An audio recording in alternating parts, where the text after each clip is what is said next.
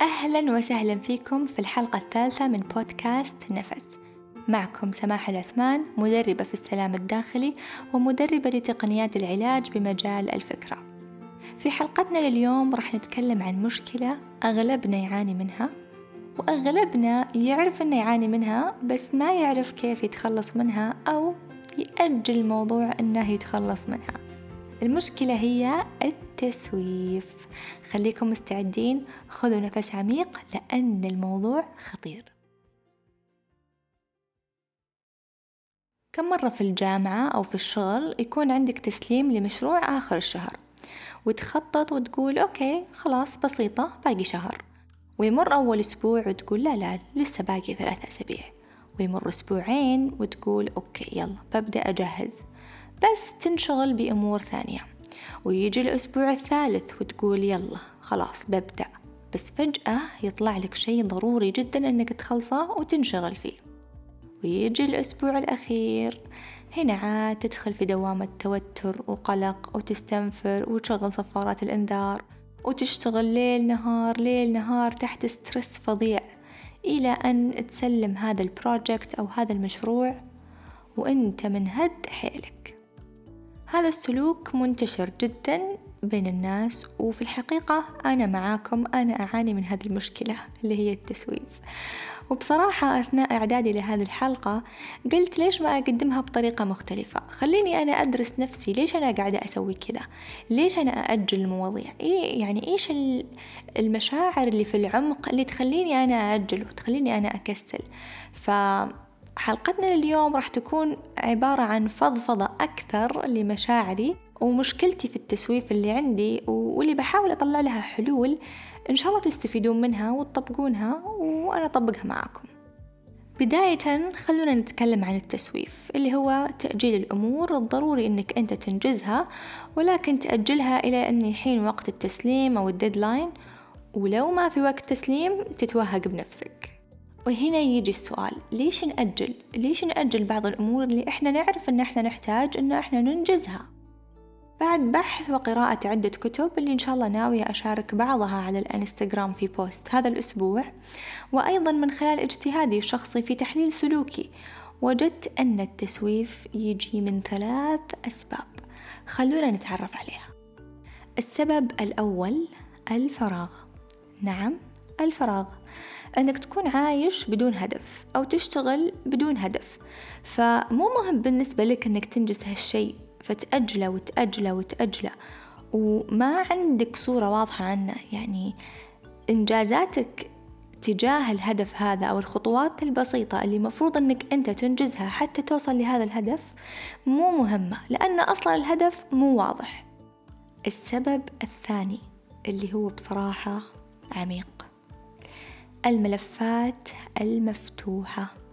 إيش يعني؟ أغلبنا يعاني من هالمشكلة أن في راسه ألف شغلة وشغلة بس ما يدري. ابتداء بالأشياء الكبيرة مثل التزامات مسؤوليات العمل العلاقات نزولا إلى الأمور الصغيرة اللي ما تتخيلون إيش هي. كورس دخلته ولا كملته. كتاب قرأت جزء منه ولا أنهيته. علاقة معلقة عندي أقطعها ولا أخليها. هدف قديم معلق يحتاج تخطيط أكثر بس تركته. تخيلوا أن هذه الأفكار والأمور تاخذ حيز من دماغنا وتفكيرنا.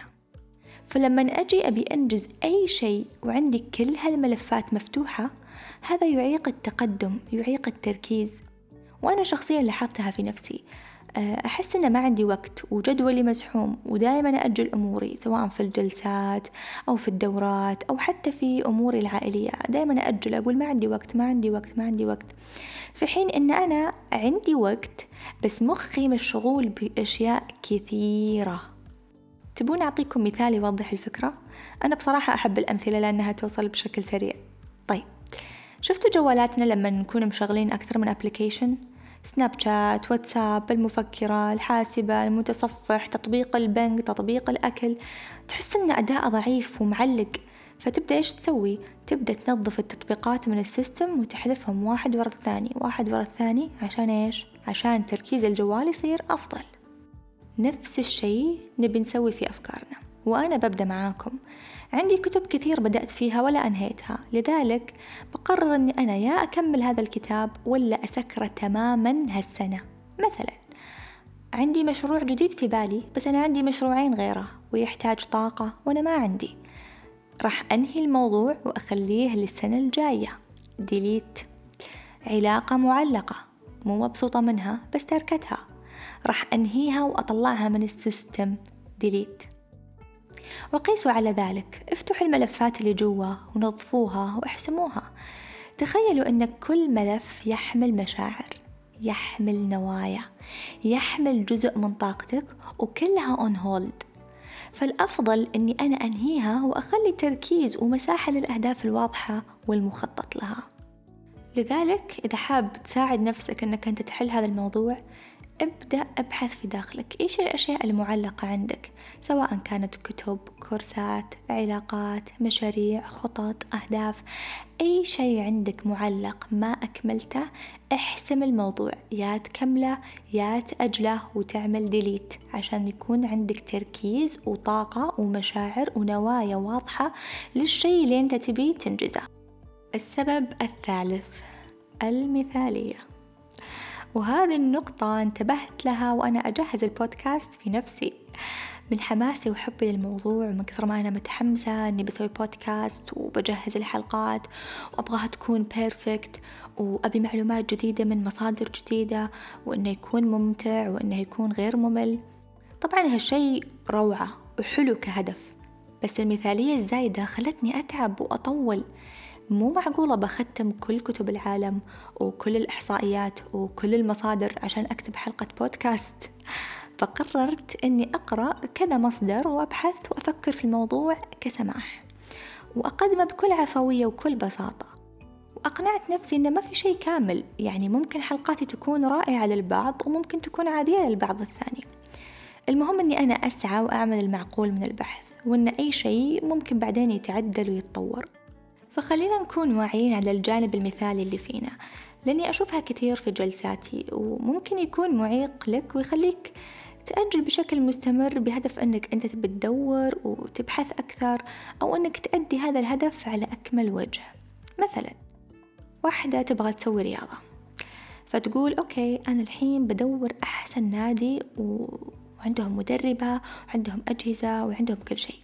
تبدأ تدور تدور تدور. بعدين تقول تدرون إيش؟ خلوني أخلص ال diet اللي عندي وبعدين بشترك بالنادي. وإذا اشتركت في النادي مثلا تقول آه أروح عند مدربة ولا أروح عند أجهزة ولا فالتفكير الزايد أنك أنت تبغى تسوي الصح وتبغى تكون مثالي بيخليك تأجل الهدف ويمكن تتأخر كثير في الوصول له. والحل مع التسويف؟ تكلمنا عنه وعرفنا إيش أسبابه. طيب إيش الحل؟ من خلال قراءتي وبحثي عن هذا الموضوع لقيت أكثر من حل ولكن شخصيا أشوف أن كل شخص عنده طريقته الخاصة في أنه يتعامل مع نفسه. ولكن أنا راح أشارككم هذه الحلول بس حاول أنك أنت تبحث عن الحل الأفضل لنفسك وتجربه وإذا ضبط معك استمر عليه لأن كل شخص تختلف طريقته في تعامله مع نفسه. الحل رقم واحد.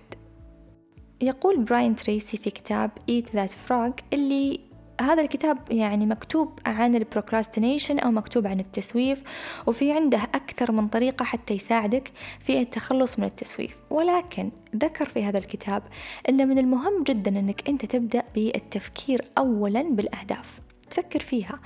آه، إيش تبغى تسوي؟ آه، إيش الخطة؟ إيش الهدف الأساسي من هذا الموضوع؟ إيش الصورة النهائية من هذا الموضوع؟ بعدين تبدأ بكتابة هذه الأهداف أو هذه المهام اللي بتوصلك للهدف اللي أنت تبغى توصل له. وبعد ما تكتب الأهداف تبدأ بترتيبها. مو مهم أني أنا أكتب الأهداف لأني بضيع لكن من المهم أني أنا أرتبها. لما أرتبها تصير عندي خريطة واضحة للوصول لهذا الهدف. عندي خطة عندي استراتيجي أني أنا أوصل لهذا الهدف عن طريق تحقيق كذا وكذا وكذا. فإذا الطريقة أنك أنت تفكر بالهدف تكتب الخطوات اللي تبغى توصل لها ومن ثم تبدأ بترتيب هذه الخطوات. حابة أذكركم بهدية بودكاست نفس اللي هي قائمة تجهيز المهام هي جاهزة للطباعة تلقونها في رابط الانستغرام. طيب الحل الثاني هو أني أنا أعرف سبب التسويف. هل أنا أأجل لأن ما عندي هدف واضح؟ أو أنا أأجل لأن مخي مشغول بملفات كثيرة مفتوحة؟ أو أأجل لأني مثالي؟ أو ممكن كل هذه الأسباب المهم أنك أنت تكون واعي بالسبب وصدقني جزء من حل المشكلة هو أنك أنت تكون واعي بسبب المشكلة الحل الثالث ما راح أقولها أنا بتقولها لنا صديقتنا أبرار اللي كانت تعاني من التسويف وعرفت كيف تتعامل مع هذا الموضوع بطريقتها الخاصة. خلونا نسمع رأيها. اكتشفت لأني إنسانة جدا مسوفة وهذا الشيء بدأ يسبب لي مشاكل بدأ يسبب لي ضياع فرص آه، عدم تحقيق أهداف وممكن هذه الأشياء كلها تنقل حياتي نقلة مختلفة أو الشيء اللي أنا أتمنى أوصل له.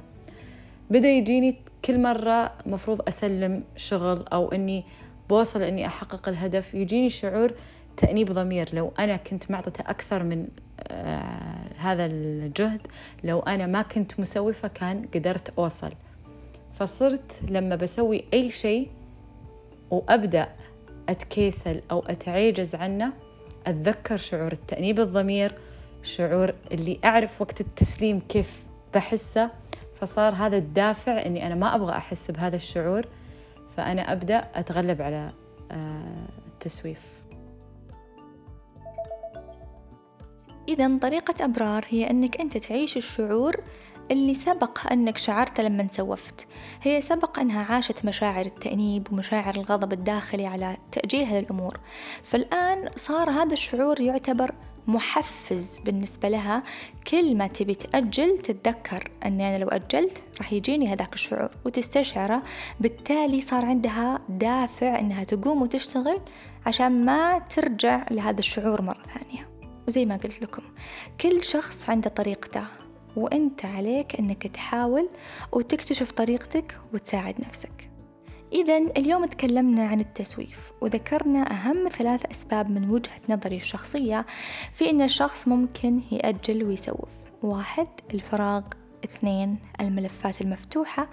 ثلاثة المثالية. وأيضا ناقشنا بعض الحلول اللي أتمنى أنها تساعدكم وتجربونها وتخبروني بالنتائج. وفي الختام خلونا دائما نوجه تركيزنا على نقاط القوة اللي عندنا حتى نستثمرها. وبنفس الوقت نتعرف على نقاط الضعف اللي فينا حتى نشتغل عليها ونطورها. وخلونا نتعلم كيف نسأل الله أنه يساعدنا في تقبل عيوبنا ويساعدنا في اكتشاف أسبابها ويساعدنا في مواجهتها والتغلب عليها لأن مو الكل يقدر يواجه عيوبه ويشتغل عليها. أتمنى استفدتم من موضوع اليوم. لا تنسون تكتبوا لي في التعليقات رأيكم في الحلقة لأن هذا جدا يساعدني في تقديم محتوى أفضل. وأيضا لا تنسى أن تشارك هذه الحلقة مع شخص مسوف. ألقاكم في الحلقة القادمة اللي عنوانها أنت مو لحالك. في أمان الله.